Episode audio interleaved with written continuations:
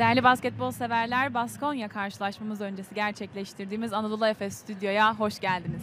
Bugün yine birbirinden farklı, birbirinden keyifli konuklarımızı Anadolu Efes Stüdyo'da ağırlıyor olacağız. Bugünkü konuklarımıza gelecek olursak başarılı oyuncu Mert Fırat ve aynı zamanda Sokrates Dergi Genel Yayın Yönetmeni ve Espor Spikeri Caner Eler bizlerle birlikte olacak. Kendisi zaten yorumlarıyla onu tanıyorsunuz. Gelelim şanslı molaya. Şanslı molada bugün bazı farklılıklarımız var. Sizlere yayının ilerleyen kısımlarında bununla alakalı bilgilerimizi veriyor olacağız ama Anadolu Efes Stüdyo'nun vazgeçilmezlerinden şanslı mola size sürpriz hediyeler kazandırmaya her zamanki gibi devam ediyor. Dolayısıyla hem sürpriz hediyelerden haberdar olmak için hem de bugünkü farklılıkları kaçırmamak için programımızı sonuna kadar takip etmenizi öneriyoruz sizlere. Yine her hafta olduğu gibi. Gelelim değerli fan club'larımıza. Sizlere küçük bir hatırlatmam olacak. Geçtiğimiz hafta da hatırlatmıştım ama yine Ocak ayına kadar sizlere bunu hatırlatmaya devam edelim istiyoruz. 2021-2022 sezonu öncesinde kazandığınız fan club puanları 1 Ocak 2023 itibariyle silinecek. 1 Ocak'a kadar farklı günlerde birbirinden özel fırsatlar sizi bekliyor olacak. Dolayısıyla mobil uygulamamızdaki fırsatları kaçırmayın, takipte kalın. Hatta bildirimleri bile açın diyoruz sizlere. Bunu da unutmayın. Ayrıca yine fan club'larımıza özel farklı bir hatırlatmayla geliyorum. Yeni yıla yaklaşırken fan club'lara özel birçok yılbaşı fırsatını da mobil uygulamamızda bulabilirsiniz. Yine bildirimleri açmanızı sizlere öneriyoruz. Bugünün özelliklerinden bir tanesi de aslında oyuncularımızdan birinin yani Amat Embay'ın doğum günü bugün. Kendisine Anadolu Efes Spor Kulübü ailesi olarak mutlu ve sağlıklı, başarılı bir yaş diliyoruz. Anadolu Efes Stüdyo'da geçtiğimiz bölüm biliyorsunuz yine çok farklı, çok keyifli konuklarımızı ağırlamıştık. Gelin hep birlikte hatırlayalım.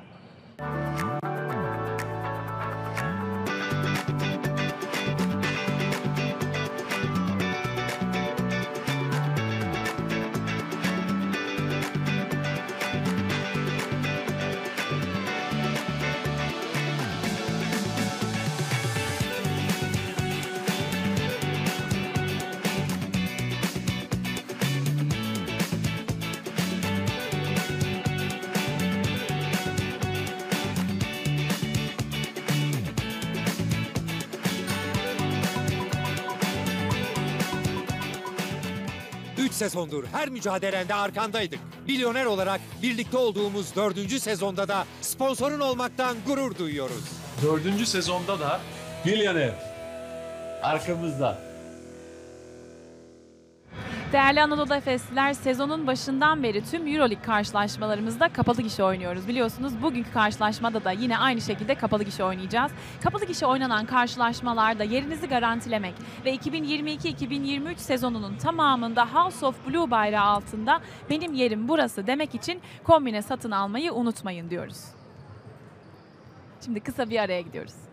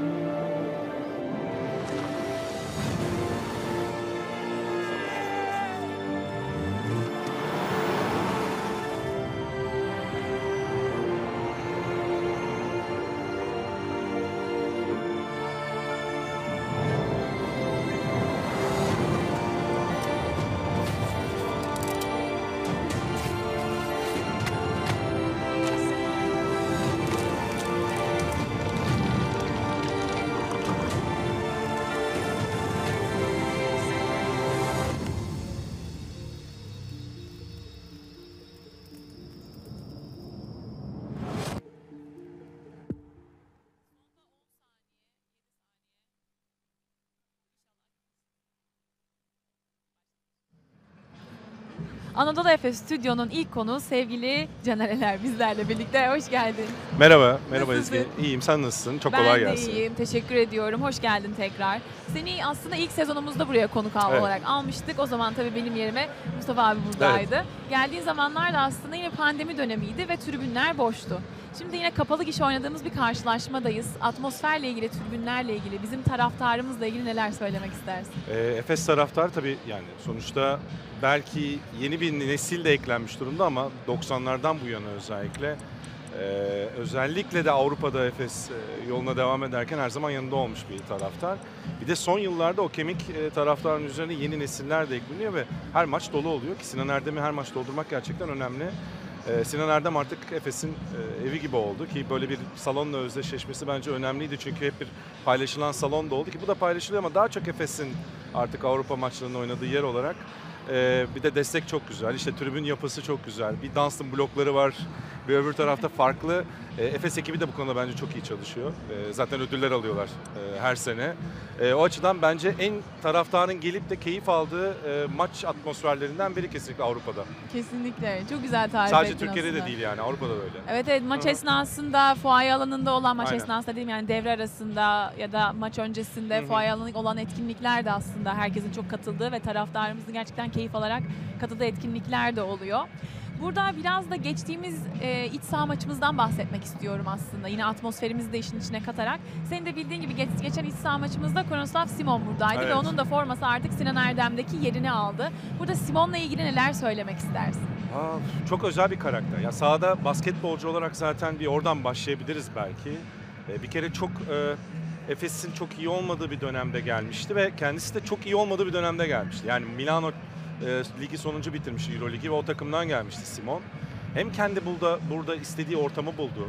E, Efes'in yeni bir yatırım dönemiyle beraber hem de e, Efes onun gibi bir saha içi liderini buldu bence. Evet takımda yıldızlar oldu işte e, Mitsic oldu, Larkin oldu. Başka yıldızlar da oldu Anadolu Efes'te bu dönemde Simon'un oynadığı dönemde ama Simon hep böyle saha içinde onların e, soyunma odası lideri gibi, hep bağlantı oyuncusu gibi.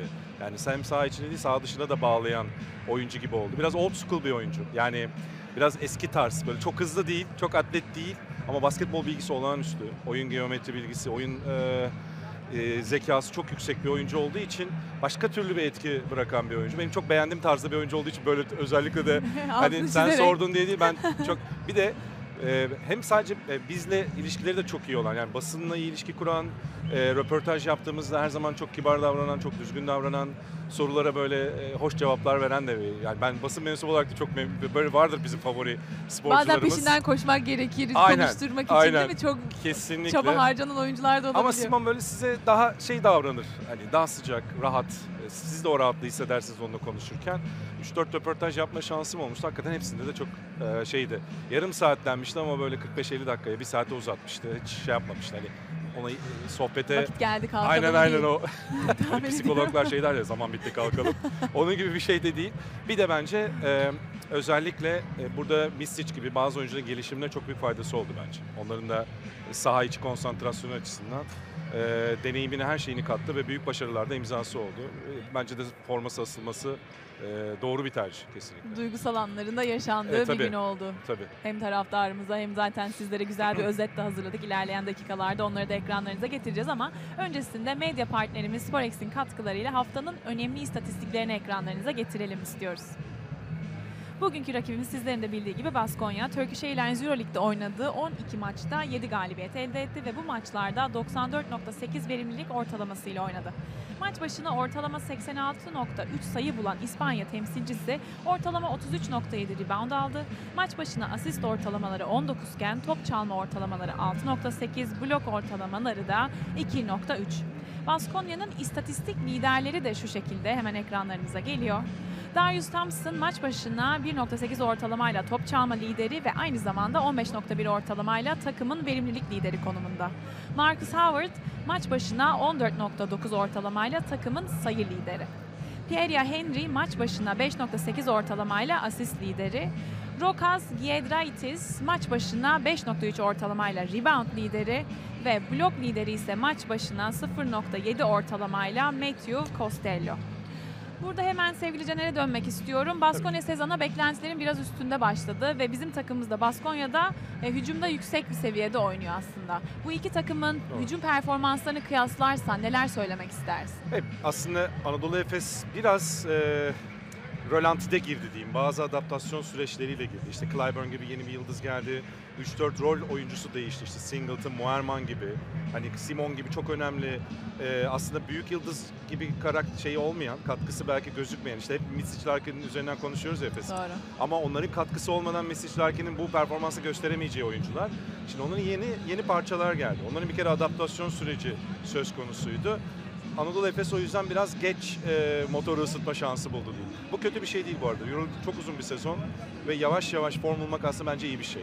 Yani hemen form bulmaktansa burada form bulmaya başlayıp yavaş yavaş Ocak, Şubat ki Efes'in bütün başarılı sezonlarına baktığımızda son 4-5 Benim de yılda söylemek istediğim oydu. Aynen. Bir önceki sezona kıyaslayacak olursak yine aynı şeyi söyleyecektim. Ee, Çünkü. yani düşündüğünde sen de şöyle bir baktığında ya Ocak'ta hatta bazen Şubat başına kadar sarkan bir daha tam form bulma durumu olur Efes'in. O zamana kadar bir iyi bir kötüdür.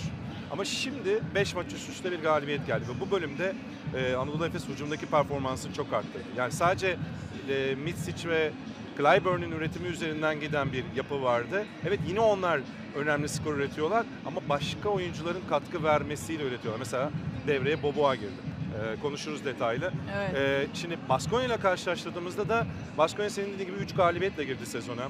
Özellikle Marcus Howard çok görkemli girdi. Ee, müthiş bir dış şutör. Baskonya'nın zaten en önemli özelliği ligin en e, iyi dış takımlarından biri.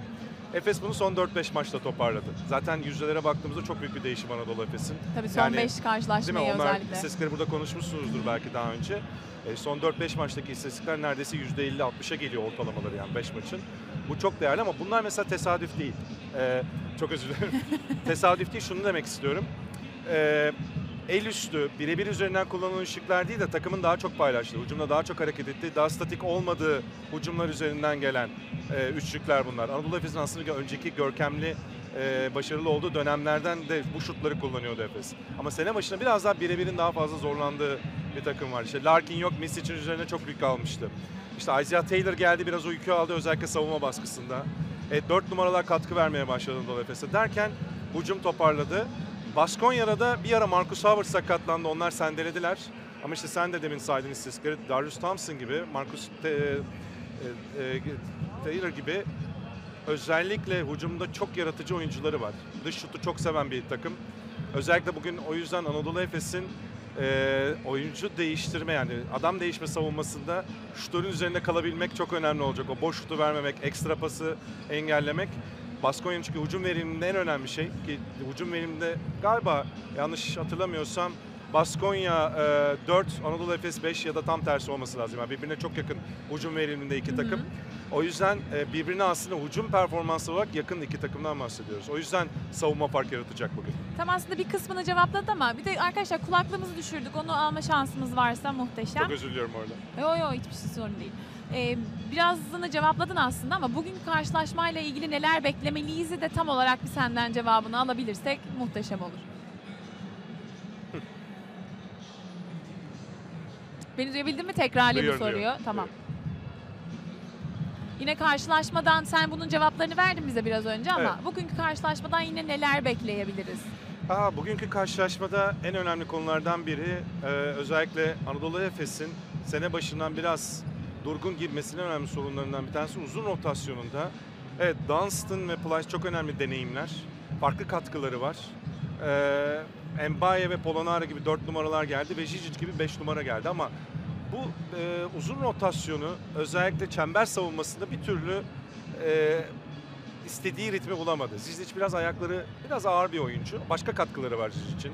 İşte alçak post hücumunda, birebir alçak post savunmasında çok fizikli, reboundçı bir uzun. Oralarda katkı veriyor. O yüzden Dunstan'ın özellikle sezona iyi girmesi ve kenardan gelip 10-15 dakika bile olsa o savunma bakanı rolüyle diyeyim katkı vermesi çok özel bir oyuncu gerçekten. E, üstüne Mbaye'nin kendini bulması ve savunma yardım savunması ve çember savunmasına katkı vermesi Anadolu Efes'i yukarı çekti ve demin de biraz konuştuk. Oraya o yüzden buraya aslında atmak istedim. Topa baskıda kısaların baskısı çok önemli. Hep savunmayı biz uzunları arkaya kaleciye bırakır gibi oluruz ama futbolda da öyledir. İyi kaleciler öndeki iyi savunmayla iyi kaleci oluyorlar aslında. Yoksa sürekli kurtarmasına imkan yok bütün birebir topları kalecilerin. Burada da uzunlar hep arkada kaleci gibidir ya ama onların iyi performans göstermesi için yandaki oyuncuların yani birden 3'e 4'e kadar oyuncuların o kaymaları çok daha iyi yapması lazım. Efes savunmada dozajı yukarı çekti. Daha istekli, daha doğru, daha disiplinli oynamaya başladı. Bir de üstüne tabii ki hücumda daha hareketli ve statik olmayan bir hücum gelince e, paylaşarak atılan üçlükler çünkü Efes'in karakterinde biraz savunmadan hücuma enerji atmak değil de hücumda ritim bulduğunda oraya savunmaya e, enerji atmak daha fazla var takım karakterinde DNA'sında. Onu da bulunca çarklar döndü. Mesela Žalgiris maçında son maç onun üzerinden örnek verelim. Aslında ikinci çeyrek bir krize girildi. İlk, ilk çeyrek çok iyi oynanıldı. İkinci çeyrek ise bir türlü işler yoluna gitmedi. Oradaki en büyük sebep ilk çeyrek 10-11 sayı bulundu. Bulunduktan sonra Efes şeyi düşürdü. e, ritmi ve dozajı düşürdü. Ve o hareketlilik yok oldu, tercihler kötü oldu. O yüzden hücumundaki tercihler çok önemli oluyor Efes için. Böylece kendi geçiş savunmasında problem yaşamamak için. Baskonya doğruları çok kollayan bir takım. Bugünkü eşleşmede Efes'in evet savunmada bence yine efor gösterecektir. Ama hücumda ne kadar verimli olduğu asıl kritik olacak. Çünkü hücumda verimli olduğu anda e, zaten geçiş hücumu yeme şansı olmayacak. E, top kaybını çok az yapan bir takım bu arada Baskonya. Yani Anadolu Efes'in oralardan geçiş hücumu şansı e, bulması biraz daha düşük olabilir. O yüzden savunma ribandı da çok kritik olacak. Yani Baskonya'nın kaçırdığı şutlarda özellikle Efes'in açık alan bulması, ritim bulması çok kritik olacak. Orada Boboa e, çok fark yaratan bir oyuncu son dönemde. Diyeceğim nokta orasıydı. Hı hı. Yine istatistiklerimizi şimdi ekranlara getireceğim ama aslında konuyu bağlayacağımız yer yine babuş olacak. Şimdi medya partnerimiz Sporex'in katkılarıyla takımımızın istatistiklerini şimdi ekranlarınıza getiriyoruz. Takımımız Euroleague'de parkeye çıktığı 12 maçta 98.2 verimlilik ortalamasıyla oynadı. Maç başına ortalama 83.7 sayı bulurken ortalama 33.5'te rebound aldı. Maç başına asist ortalamamız 15.3 iken top çalma ortalamamız 6 ve blok ortalamamız ise 3.8 şeklinde. Öne çıkan oyuncu istatistiklerimizi de şimdi ekranlarınıza getiriyoruz. Vasilya Mitsic 18 sayı, 9 asist ve 31 verimlilik puanıyla Euroleague'de 11. haftanın MVP'si oldu. Yine Vasilya Mitsic bugünkü maçta 4 rebound alırsa Euroleague kariyerinde 500 rebounda ulaşacak. Will Clyburn maç başına 20.4 sayı ortalamasıyla Euroleague'de sayı liderliğini koruyor. Şimdi en son Clyburn'den bahsetmişken aslında sana yine Clyburn'la ilgili bir soru iletmek istiyorum. Clyburn'un hep 3. çeyrekte aslında kendini gösterdiğini Doğru. ve artık ikinci yarıların adımı olduğunu konuşmaya başladığımız bir süreç içerisindeyiz. Sen Clyburn'un performansı hakkında neler söylemek Yani istersin? bir kere çok büyük bir yıldız. Bu yılın en, önemli transferi belki de Euroleague'de. Ee, ama o da geldiğinde hemen Larkin'siz bir takımda hemen performans vermesi beklendi ki verdi de.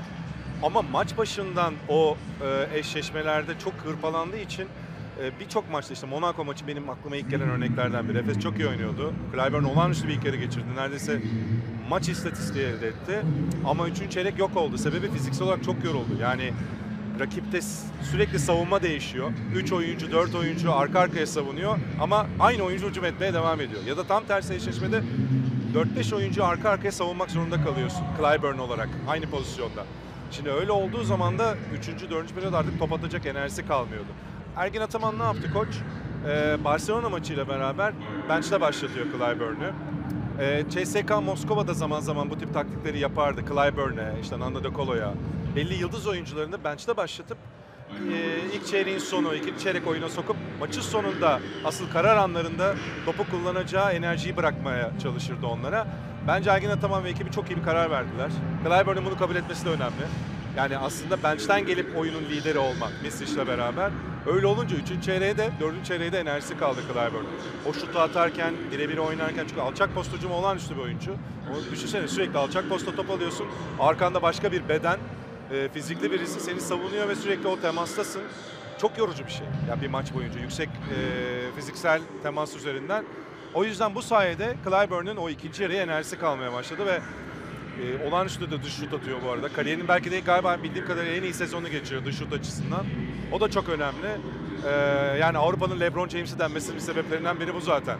Yani hem dış şutta bu kadar etkili olması hem 3-4 bu kadar bu kadar çok yönlü bir oyuncu olması Efes için zaten çok büyük bir yıldız. Larkin geldiğinde bu üçlünün uyumlu oynayabilmesi açısından da Clyburn'un bu gelişimi göstermesi de önemli. Yani bench'ten gelmeyi kabul etmesi de. Evet aynı zamanda Larkin dönüşünü de tabii ki bekliyoruz.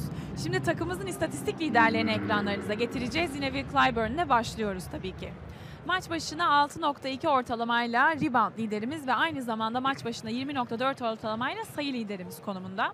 Vasilya Mitsic maç başına 6.5 ortalamayla asist liderimiz, maç başına 1.1 ortalamayla top çalma liderimiz ve aynı zamanda 22.6 ortalamayla verimlilik puanı liderimiz konumunda. Blok liderimiz ise maç başına 0.7 ortalamayla Boboa. Artık Boboa'yı konuşma vaktimiz geldi bence. Zaten sezonun Kesinlikle. başından beri de aldığı rolle ve gösterdiği performansla da dikkatleri üzerine çekmişti derken Jargiris karşılaşmasında da belirleyici faktörlerden bir tanesi oldu. Babuş'un takıma katkısı hakkında neler söylemek istersin? Babuş demek güzel oluyor. Ben de seviyorum bu arada. bir kere Boboa'nın hep yıllardır azımsanan bir tarafı vardır. Yani çok e, öne çıkarılmayan, istediğinde olağanüstü bir savunmacı. Çünkü çok uzun kolları ve çok kocaman elleri var. Fiziğine göre de gerçekten bu anlamda özel bir atlet bence. E, yani istediğinde kısadan uzuna yani birden dörde neredeyse işte adam değişme savunması dördün de arkasında kalabiliyor. E, mesela bunu Simon da çok iyi yapardı.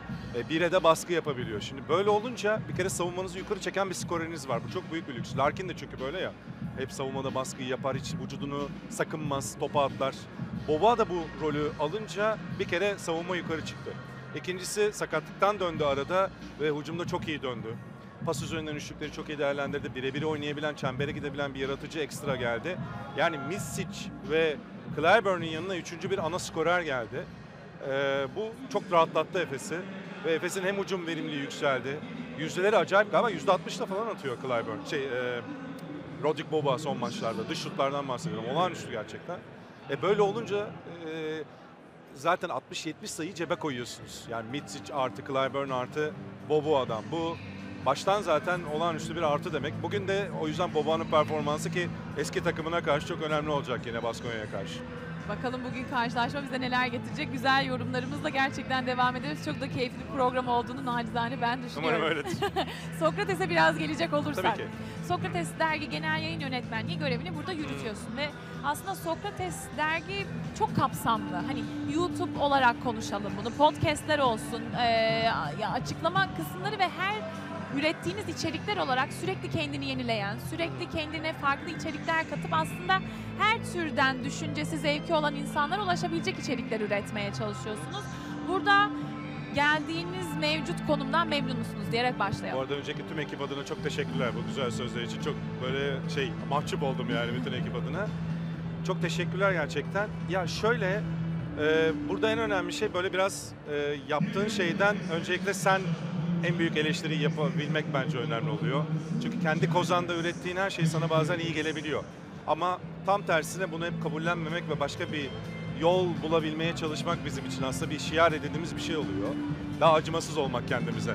İnsan öyledir ya biraz işte onu olmaya çalışıyoruz. acımasızdır, doğru. O insan için çok iyi bir şey değil ama iş yaparken o kadar kötü. Geliştirmek için güzel bir şey olabilir Evet, değil mi? evet, Herkes kendine çünkü evet. o öz eleştiriyi yapamayabilir ama tabii Aynen. dozajı önemli. Bir de dışarıdan o e, şeyi almak çok önemli. Sizi motive eden reaksiyonu o size hep yeni bir şeyler yapmak için bir şevk de yaratıyor. Karşılığını bulmak çok önemli. Yoksa bu işteki en kıymetli şeylerden biri. Sen de Kesinlikle. çok iyi biliyorsun. E, şimdi mesela başka yeni şeyler peşine de gidiyoruz ama bir yandan yaptığın şeyleri de ihmal etmeden. Bu şeydir böyle. Çok iyi bir restoran tutar. E, çok fazla şube açmaya başladığında şey olur ya bozar bir yerde aynı şeyi bulamazsın. Aynı standardı bulmak zor olur. E, onu yapmadan e, yeni şeyleri yapmaya çalışıyoruz ya da yenile, yenilen yenilenmeye çalışıyoruz diyelim. Mesela şimdi bir video kes projesi var. Başka bir YouTube kanalı projesi. Onu açtık bu hafta. Tamam. Sen podcastlerden bahsettin.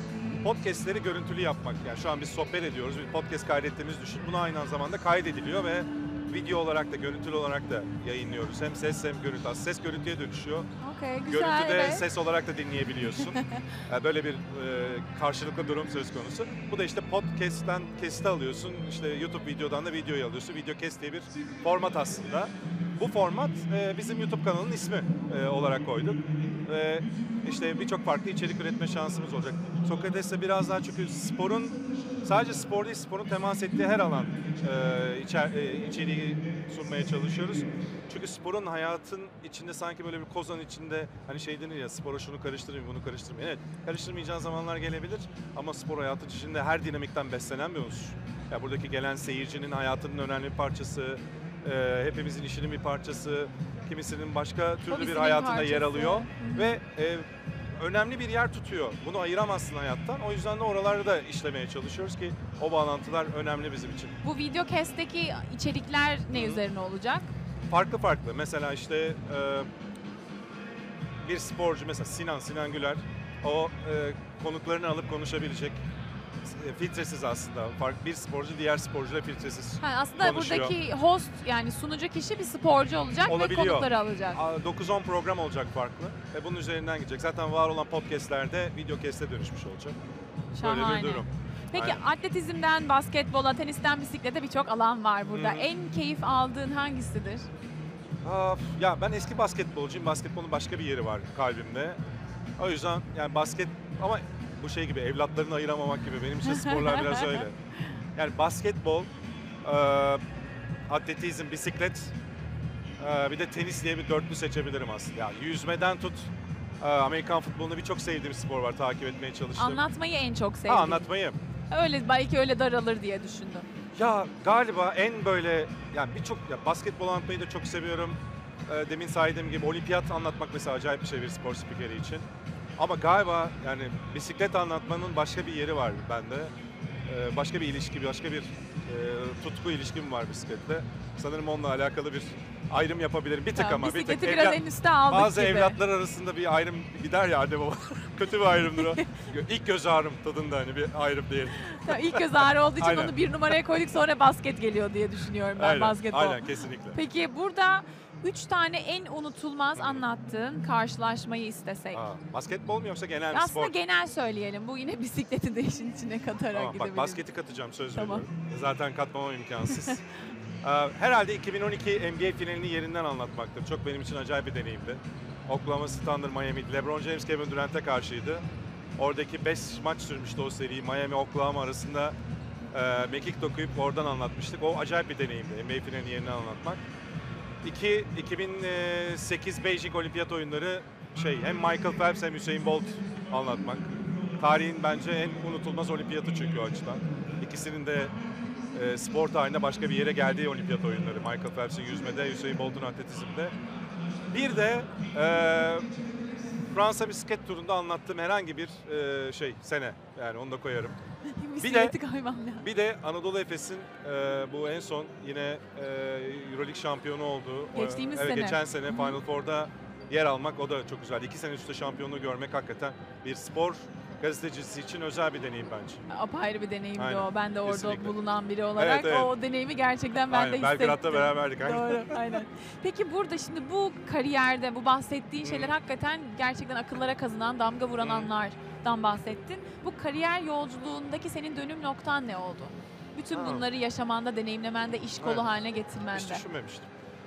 Herhalde e, 2006'da Eurosport'a girmiştim işte o zaman ilk o, odur yani tamamen.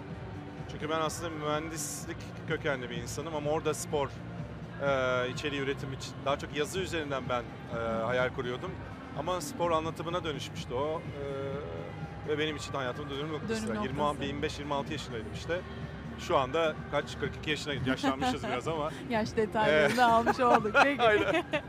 Çok güzel bir sohbet gerçekleştirdik. senin sorularınla çok teşekkür ederim. Rica ederim. Son olarak taraftarımıza vermek istediğin mesajın var mıdır? Ya takımlar iniş çıkış yaşayabilir. Bence asıl o problemleri yaşarken yanında olmak çok önemli.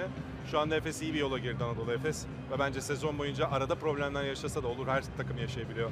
En güçlü takımlar da yaşayabiliyor ki Efes onlardan biri. Final Four adayı bu sene yine Efes ve yine şampiyonluk adayı. O yüzden her maç e, desteklemeleri e, önemli. İyi giderken de kötü giderken bence en önemlisi o. Bir de sporu biraz kazanmak, kaybetmek üzerinden değil, keyif almak üzerinden görmek bence çok önemli ve e, Anadolu Efes o atmosferi oluşturuyor. Hem salonda hem genel hat- hatlarıyla bence. O çok önemli yani rekabeti belli prensipler içerisinde yaşamak aslında.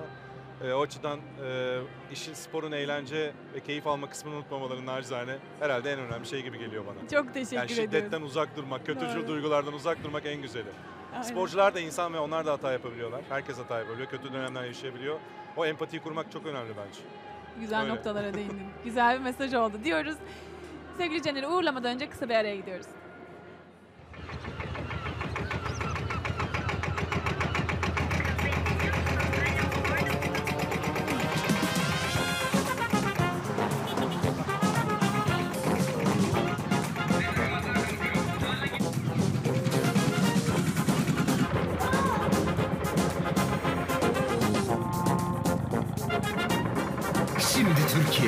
Taze balığa kavuşuyor.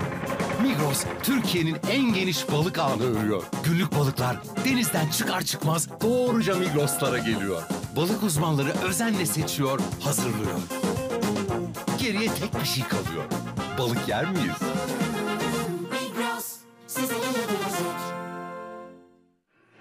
Sevgili Anadolu Efesliler biliyorsunuz ki Turkish Airlines Euro oynadığımız son iç saha maçımızda Olympiakos'u ağırlamıştık ve Kronoslav Simon'un forması Sinan Erdem'deki yerini almıştı. Şimdi gelin hep birlikte o duygusal anları izleyelim.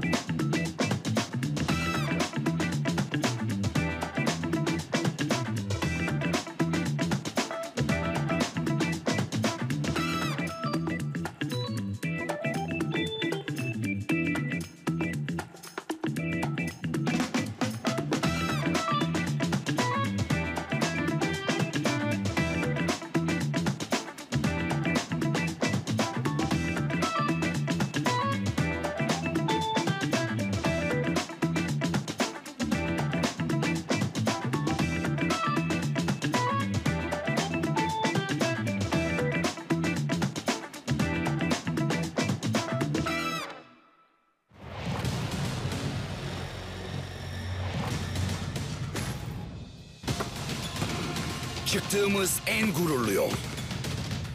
En maceralı. En heyecanlı yol.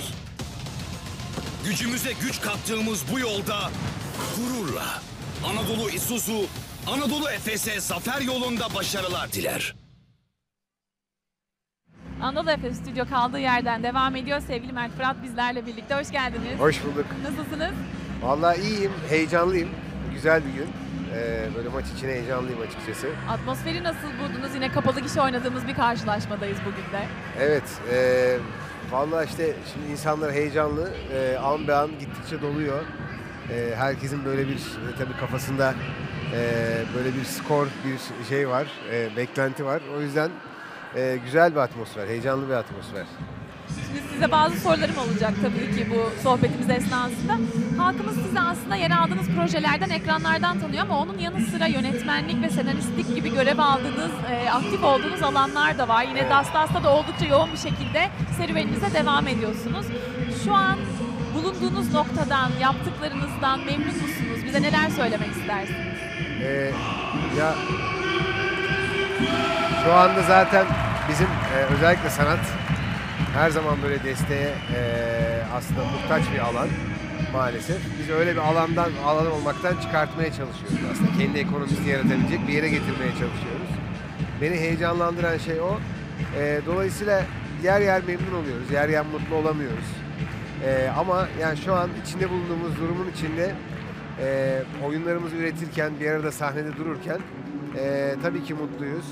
E, bu sene e, Dünya Yerinden Oynar diye bir oyunumuz var. E, ona ben onu yönettim ve Şebnem işi güzel yazdı. E, yine aynı şekilde böyle aslında herkesin tiyatroya, bilete erişimini sağlamak için Mavi Sahne böyle Efes'le bir proje yaptık. O beni çok sevindiren, sezonu çok böyle mutlu açtığımız bir proje. 5. yılına, 6. yılına girdi hatta Mavi Sahne. 6 yıldır sürdürdüğümüz bir proje. Ee, tabii böyle işte böyle katkılar sanatın ve aslında sanatçının hatta seyircinin de bu kriz ortamlarında artık seyircinin de ihtiyacı olan bu destek e, tiyatroya, tiyatro biletine, kültür sanata erişimi bu anlamda e, çok önemli bir hale getiriyor. Aynı spora erişimin çok önemli, çok değerli olması gibi. Çok benzer bu noktalar. Doğru söylediniz aslında. Birazdan Anadolu Efes Mavi Sahne ile ilgili sorularım olacak ama Heh, biraz pardon. önce Dastas tiyatro oyunları, stand-up'lar, konserler e, var ama bunun yanı sıra orası aynı zamanda atölyelerin gerçekleştiği değil mi? Doğru. Sergilerin de yer aldığı aslında kültür sanat merkezi e, nitelen, şeklinde nitelendirebilir miyiz orayı? Kesinlikle Sadece öyle nitelendiririz. tiyatro alanı değil. Tabii tabii. Yani tiyatro var, konser var, stand-up'lar var. Dastas Akademimiz var aslında oyuncuların yetiştiği, birçok oyuncunun yetiştiği. Hatta bir yandan da hobi kurslarımız da var. Yani bizim Akademi Plus dediğimiz. Şimdi 60 artı için tazelenme akademisi geliyor. Böyle orada böyle etkinlikler, dergi sohbetleri var. Sağ olsun daha önce Kafe Dergisi desteklemişti. Onlarla böyle bir dergi sohbetleri yaptık. Tarih Dergisi. e, Popular Science gibi e, birçok derginin de aslında böyle Takımımız sahada. Evet. Biz de sohbete devam Tamam. edebiliriz ama takımımız da karşılaşma için Takımımıza sahaya artık çıkmış durumda. Buyurun sözümüzü böldüm. E, dolayısıyla aslında orası bir avlu bizim için. Bir ortak çalışma ofisinin de olduğu bir avlu. Orada film, e, film bir film şirketi de var, bir işte ihtiyaç haritasının da ofisi, bir mimarlık şirketi de orada. Dolayısıyla orası böyle bir e, birçok topluluğun bir arada olduğu, hem kültür sanat etrafında e, bir arada durduğu, hem zamanını geçirdiği, hem çalıştığı, hem eğlendiği e, bir alan. Yani böyle ben böyle biraz e, yeni nesil üniversite kampüslerine benzetiyorum Dastas'ın aslında oradaki kültür sanat alanını. O yüzden bizi çok heyecanlandıran ve her gün başka hissettiren bir mekan.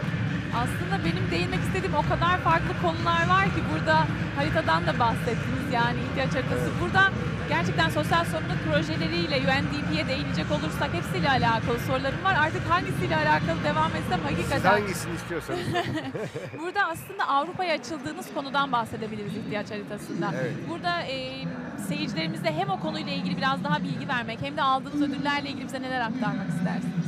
Ee, biz tabii o tarafta böyle sosyal ekonomi çok büyüyen bir ekonomi Avrupa'da. Ee, biz de buradan sivil toplum olarak aslında e, hem Türkiye'de hem Avrupa'da e, birçok faaliyet yürütüyoruz. E, sivil toplumun birçok aktörü aslında e, yurt içinde ve yurt dışında faaliyet yürütüyor. İhtiyaç haritası için çok uzun zamandır planlanan ama şimdi adımını atabildiğimiz, kendimizi hazır hissettiğimiz bir Londra var bir de Brüksel var. Bu iki stratejik noktada sadece e, Türk vatandaşlarının aslında orada yaşayan e, insanların değil aynı zamanda e, oranın yerel halkının da ihtiyaçlarını listelediğimiz bir alanda çalışıyoruz. E, bu tabii sürdürülebilirlik noktasında da çok önemli. E, çünkü aslında böyle e, sosyal e, pazar yerlerini açtığımız, yani ihtiyacı yerinden giderdiğimiz, böylece karbon ayak izini azalttığımız bir yazılım, bir sistem de e, var bu yapının içinde. E, o yüzden nasıl diyeyim hani biraz böyle Brüksel tarafı, Londra tarafı, e, böyle oradaki sivil toplum örgütleri, Avrupa Birliği e, aslında delegasyonun içindeki böyle aktif bize destek veren, e, orada böyle varlık gösteren insanlar, bütün bunlar böyle sınırların ortadan kalktığı insanların iyilik çer- çerçevesi, çevresinde e, ihtiyaçlara ve desteklere odaklaştığı, odaklandığı bir buluşma platformuna dönüştürüyor bizi. O da bizi heyecanlandırıyor. Sadece Türkiye'de değil, dünyada anlatılan bir e, case olmaya, bir hikaye olmaya itiyor bizi. Türkiye'den çıkmış böyle bir e, örnek de e, bizi gururlandırıyor. Umarım yolculuğu uzun sürer. UNDP tarafında da şeyi söylemeden geçemeyeceğim. E, biz aslında Anadolu Efes'le birlikte UNDP e, desteğiyle de e, bir e, turizm e, kampanyası yaptık. Gelecek Turizm'de diye. Bu 24 köyü kapsayan bir kampanyaydı. E, aslında Troya kültür rotası e, Troya'dan başlayıp e, böyle çok 110 kilometreyi kapsayan Asos'tan Troya'ya kadar bir yol. E, burada hem Tatuta köyleri var hem işte böyle e, turizmi daha sürdürülebilir hale getiren, akıllı tarımı aslında öngören, onarıcı hayvancılığı öngören şahane bir model var. Yine e, alternatif turizm ağlarını öğren bir model var. İşte burada böyle UNDP şapkasıyla e, aslında bu sosyal fayda şapkasının çok güzel oturduğu, Anadolu Efes'in e, desteklediği ve sürdürülebilirliğe çok iyi model olan e, bir yapı var. Onu da böyle siz UNDP deyince söylemeden e, geçemedim. Çünkü Çok insanların da ilgilenmesi, o alanı kullanması, o rotayı var etmesi çok önemli. Biz var olan değerlerimize, oluşumlarımıza ne kadar sahip çıkar, e, onları ne kadar kullanır, ne kadar yanlarında durur, ne kadar duyurursak dünyaya o kadar aslında verimli ve e, daha böyle olumlu, güzel e, geri dönüşleri aldığımız e, şeyleri alanlara dönüşüyor bunlar. O yüzden çok değerli. 2017'den beri aslında iyi niyet elçisi olduğunu biliyoruz. Dolayısıyla burada elbet yapımız farklı farklı projeler var. Bugün programımızın içerisinde değineceğimiz ama şimdi ben çaylağın oradan yavaş yavaş yanımıza doğru geldiğini görüyorum. Sen de yanımdayken aslında bir soruyu ileteceğim ona. Hoş geldin Çaylak. Biz Çaylak'la demin karşılaştık. Değil mi Çaylak? Evet. Yürüyüş alanında karşılar. Çaylak bizi her program geliyor bir şekilde bizi yalnız bırakmıyor değil mi Çaylak? Şimdi aslında ileteceğim hem seyircilerimize ileteceğim hem de sevgili Mert Fırat'a ileteceğim bir soru var. Sen de yanımızdayken bunu yapalım. Hazır mısın? Şimdi Dastas'ta Anadolu Efes'le birlikte tiyatroyu erişilebilir ve biraz önce de bahsettiğiniz gibi sürdürülebilir kılmak amacıyla Anadolu Efes Mavi Sahne kuruldu. Anadolu Efes Mavi Sahne'nin felsefesini sizden öğrenmek isteyeceğim ama öncesinde hemen seyircilerimize dönmek istiyorum. Şanslı mola için çaylak şimdi yanımda. Hemen sizden yapmanızı istediğimiz şey her zamanki gibi mobil uygulamamız üzerinden değil, hemen Anadolu Efes Instagram sayfasını, resmi Instagram sayfasını açmanız. Önce biz bu şanslı molayı başlatalım da sonra yapmanız gerekenleri söyleyelim. Şanslı mola başladı.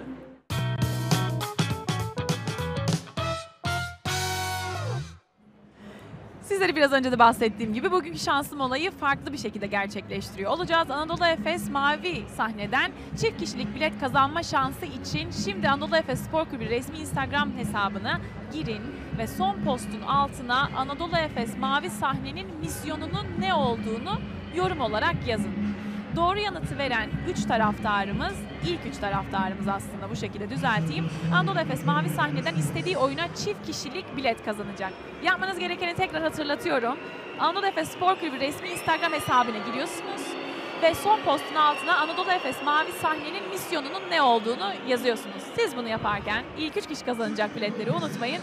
Ben de hemen sevgili konuğumuza dönmek istiyorum. Bu misyonu, buranın kuruluş amacını sizden dinlemek istedim. E, Mavi Sahne tabii şu anda Türkiye'de böyle çok fazla e, yeni tiyatro var. Hatta bir akıma dönüştü alternatif tiyatrolar. E, kitapları çıktı, makaleleri yazıldı. E, onun haricinde birçok tiyatro kuruldu, bir sürü sahne açıldı. Çok değerli bir seyirci kitlesine eriştik. E, fakat tabii kültür sanat dediğim gibi bir önce de bahsettiğim gibi böyle her zaman desteğe e, ihtiyaç duyuyor. E, umarım kendi kendini böyle destekleyebildiği bir yapıya da erişecek bir gün.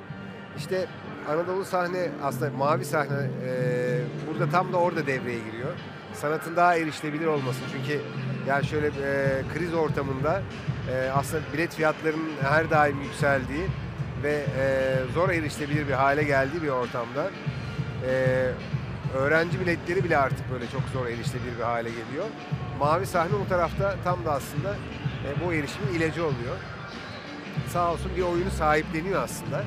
E, ve bir yandan da küçük bir e, ücret karşılığında oyuna insanların gelebilmesini sağlıyor. Ve bunu her ay düzenli olarak yapıyor. Yıl boyunca yapıyor. Daha da güzeli aslında bunu festivalleri de taşıyor. Biz e, Bergama Tiyatro Festivali'nde yine Mavi Sahneyi iki defa e, orada birçok insanın e, erişimini açmış olduk. E, çünkü her zaman dediğimiz gibi e, biletlerin fiyatları çok erişilebilir olmayabiliyor. Festivallerde de öyle. Yurt dışından gelen oyunlarda aynı şekilde masrafları daha yüksek olduğu için e, daha zor koşullarda erişebiliyoruz. Yine orada Mavi Sahne devreye girdi ve biz bundan gurur duyduk. Bir festivalin içinde e, Dastas'la birlikte Anadolu Efes'in geliştirmiş olduğu ve hala da e, sürdürdüğü e, bu aslında şeyle, ürünle diyelim, bu yaklaşımla tanıştırmış olduk e, insanları, seyirciyi. İşte misyonu aslında tam da bu daha erişilebilir kılmak, e, koltuk, aslında koltukları boş bırakmamak, seyirciyi o koltukla buluşturmak, e, aslında tam da bu seyircisiz asla olmayacak e, tiyatroyu var etmek. Bakalım hangi seyircimiz, hangi taraftarlarımız bu misyonu dile getirdi. Çünkü çok güzel anlattı sevgili Mert Fırat. Bakalım sizden gelen cevaplar nasıl oldu? Peki biraz da Anadolu Efes takımımıza gelecek olursak ne kadar takip edebiliyorsunuz karşılaşmaları? Valla çok sıklıkla takip edemiyorum bu süreçlerde çünkü benim daha yeni oyunlar bitti. Ee, oyunların aslında bu yönetim süreci bitti. Benim de destek olduğum e, bir oyun vardı. Daha yeni bitti o da. Şimdi hatta yarın e, hatta cuma günü, pardon cumartesi günü bir oyunumuzun daha premierini yapıyor olacağız. O yüzden çok fazla takip edemedim bu süreçte. Elimden geldiğince diyeyim. Elimizden gelince tamam gayet güzel. Peki hem Ama her sezon en az 2-3 tane Anadolu Efes maçına geliyorum ve tabii olarak, ki aha. e, düzenli olarak takip ediyorum. Sadece bu süreçte biraz böyle uzak kalmış E, aynı zamanda sosyal sorumlulukla ilgili yürütülen projeler de Tabii, diğer tabii. taraftan çok Aynen. tahmin ediyorum. Ama en azından hep işte sosyal medyadan da olsa haberlerden de olsa bunu takip Tabii, tabii. ettiğinize eminim. Peki son olarak taraftarımıza vermek istediğiniz mesajınız var mıdır? E, Valla işte bu akşam heyecanlı bir akşam. E, bizimle birlikte olanlar yürekten destekliyorlar, buradalar, buraya gelebilenler. E, ekranları başında olanlardan da e, gerçekten böyle destek bekliyorum. Moral desteği bekliyorum. e, çok iyi olacağını düşünüyorum. E, ve sosyal medyada yazılanlar, paylaşılanlar aslında bir şekilde insanların burada olmasa da destek verdikleri destekleri e, buradaki sahadaki oyunculardan işte ne bileyim taraftara kadar herkes aynı anda takip ediyor. Bu çok ilginç bir aslında e, birlik yaratıyor. Ben onu da önemsiyorum. Dolayısıyla hani burada olamayan ekranları başında olanların da desteğini esirgemediği, gönlünü, kalbini buraya taşıdığı ve bütün iyi dilekleriyle e, takımı desteklediği bir akşam ve umarım güzel bir akşam olur hepimiz için. Çok teşekkür ediyoruz bugün bizlerle birlikte olduğunuz için. Ben İyi ki geldiniz ederim. Diyoruz. Sizi uğurlamadan önce hemen seyircilerimize dönmek istiyorum. Kısa bir araya gidiyoruz. Döndüğümüzde devam edeceğiz.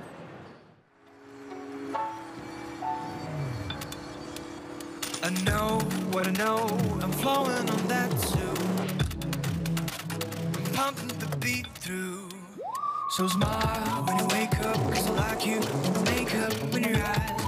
İlham duyguları harekete geçirir. Onları estetikle birleştirir, geleceğe taşır. Yeni Kia Sportage, geleceğin ruhuyla tasarlandı. Kia, movement that inspires.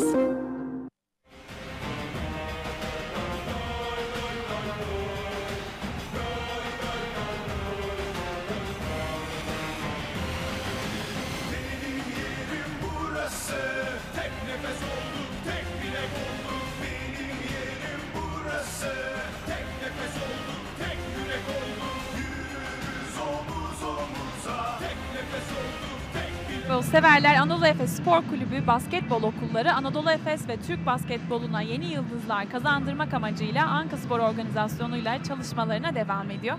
5-15 yaş aralığındaki çocuklarımızın katılabildiği basketbol okulları için 0532 566 0375 numaralı telefondan ya da Anadolu Efes Basketbol Okulları.com adresinden bilgi alabilirsiniz. Üstelik Anadolu Efes Spor Kulübü basketbol okulları Anadolu Efes Fan Club üyeleri için %10 indirimli. Oyuncularımızın da içerisinde rol aldığı kısa bir tanıtım filmini şimdi ekranlarınıza getiriyoruz.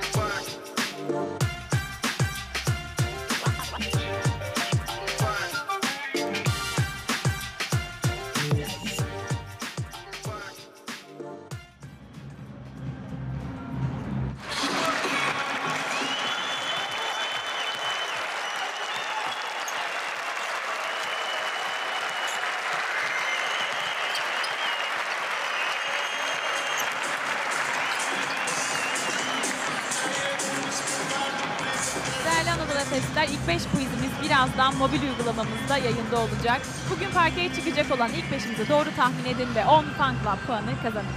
Bugünkü karşılaşmayı Esport ve Esport Plus'tan canlı izleyebilirsiniz. Maça desteğini göster butonuna tıklayarak Fan Club puanları kazanmayı unutmayın. Biliyorsunuz ki nerede olursanız olun maça desteğini göster butonuna tıklayarak Turkish Airlines Euroleague maçlarımız için 15 Fan Club puanı kazanabilirsiniz. Şimdi takım kadromuz eğer hazırsa onu ekranlarınıza getireceğiz. Bugünkü takım kadromuz Boboa, Bryant, Erten, Clyburn, Taylor, Egahan, Plyce, Mitsic, Embay, Polonara, Žižić ve Dunstan şeklinde olacak.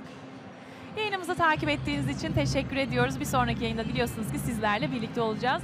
Buradaki yayınımız, Anadolu Efes Stüdyo'daki yayınımız hava atışına kadar devam ediyor olacak. Takım sunumlarını buradan izleyebilirsiniz. Aynı zamanda maçın ardından gerçekleştirilecek olan basın toplantısını izlemek için de tekrar bu kanala gelebilirsiniz. Ben aranızdan ayrılıyorum. Hoşçakalın.